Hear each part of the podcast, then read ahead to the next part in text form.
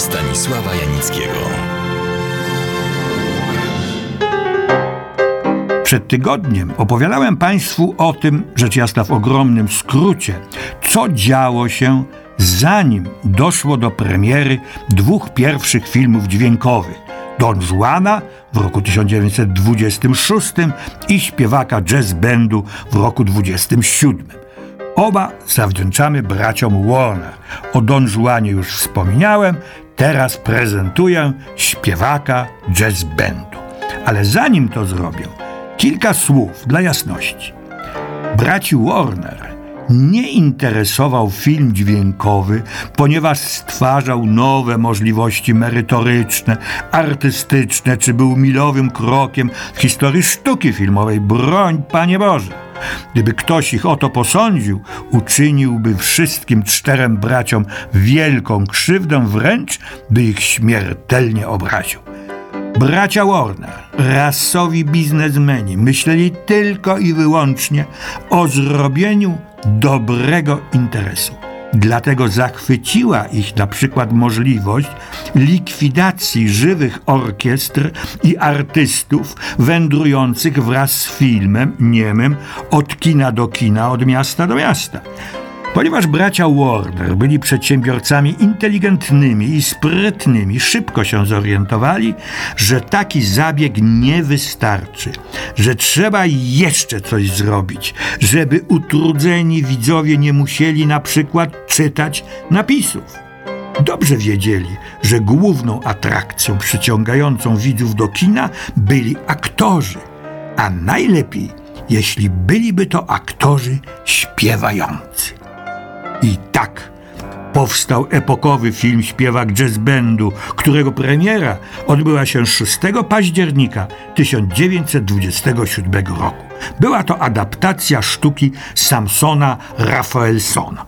Oto jedno ze streszczeń, sądzę, że najlepiej oddające treść i klimat tego filmu. Słuchacie Odeonu Stanisława Janickiego w RMF Classic. Jackie Rabinowicz syn znanego kantora synagogi. Odziedziczył po ojcu piękny głos. Tę główną rolę grał Al Jolson. Stary kantor zamierza przekazać swe stanowisko synowi. Tymczasem Jackie, który ma zamiłowanie do muzyki lekkiej, występuje potajemnie jako pieśniarz w podrzędnym lokalu.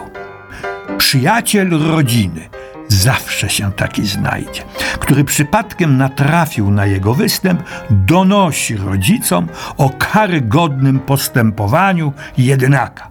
Bogobojna rodzina poczytuje te występy za hańbę i fanatyczny ojciec sprawia synowi potężne lanie. Jackie, nie mogąc znieść przemocy, ucieka z domu. Po latach Syn kantora zostaje znakomitym śpiewakiem estradowym, o którego ubiegają się liczne teatry. Jackie jedzie do domu rodzinnego, by uzyskać przebaczenie ojcowskie.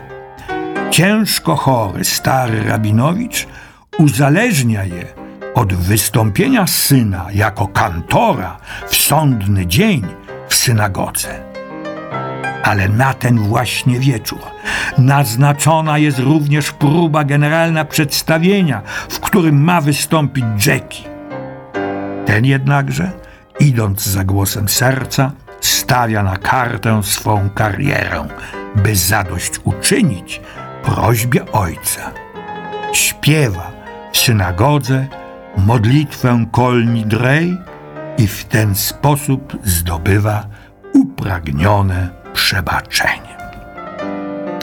Film Śpiewak Jazz był swoistą hybrydą, albo bardziej elegancko, tkwiąc jeszcze w konwencji niemej, dopiero zapowiadał drogi dalszego rozwoju filmu dźwiękowego.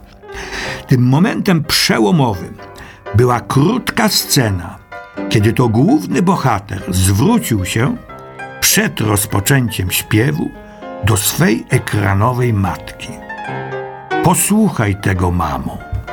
Sejma, listen to this. To były pierwsze słowa, które padły wypowiedziane z ekranu. burza oklasków, jaka za każdym razem rozlegała się na widowni, potwierdzała, że rozpoczęła się nowa epoka kina. Człowiek przemówił z ekranu.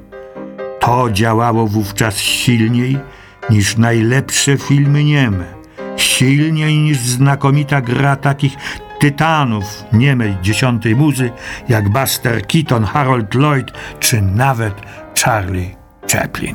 Słuchacie Odeonu Stanisława Janickiego w RMF Classic. A kim był Al Jolson? Skąd się wziął ów Bart ogłaszający nową epokę kina? Pierwotnie nazywał się Asa Jolson. Urodził się w 1886 roku w Sankt Petersburgu. Jako dziecko znalazł się z rodzicami w Ameryce. Jego ojciec był kantorem, a on sam też śpiewał w synagodze.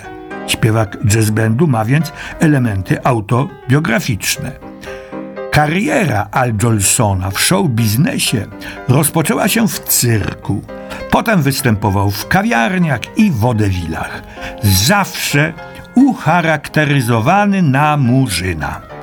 Dzięki swym występom stał się jedną z największych estradowych gwiazd. Był też śpiewakiem najczęściej nagrywanym na płyty.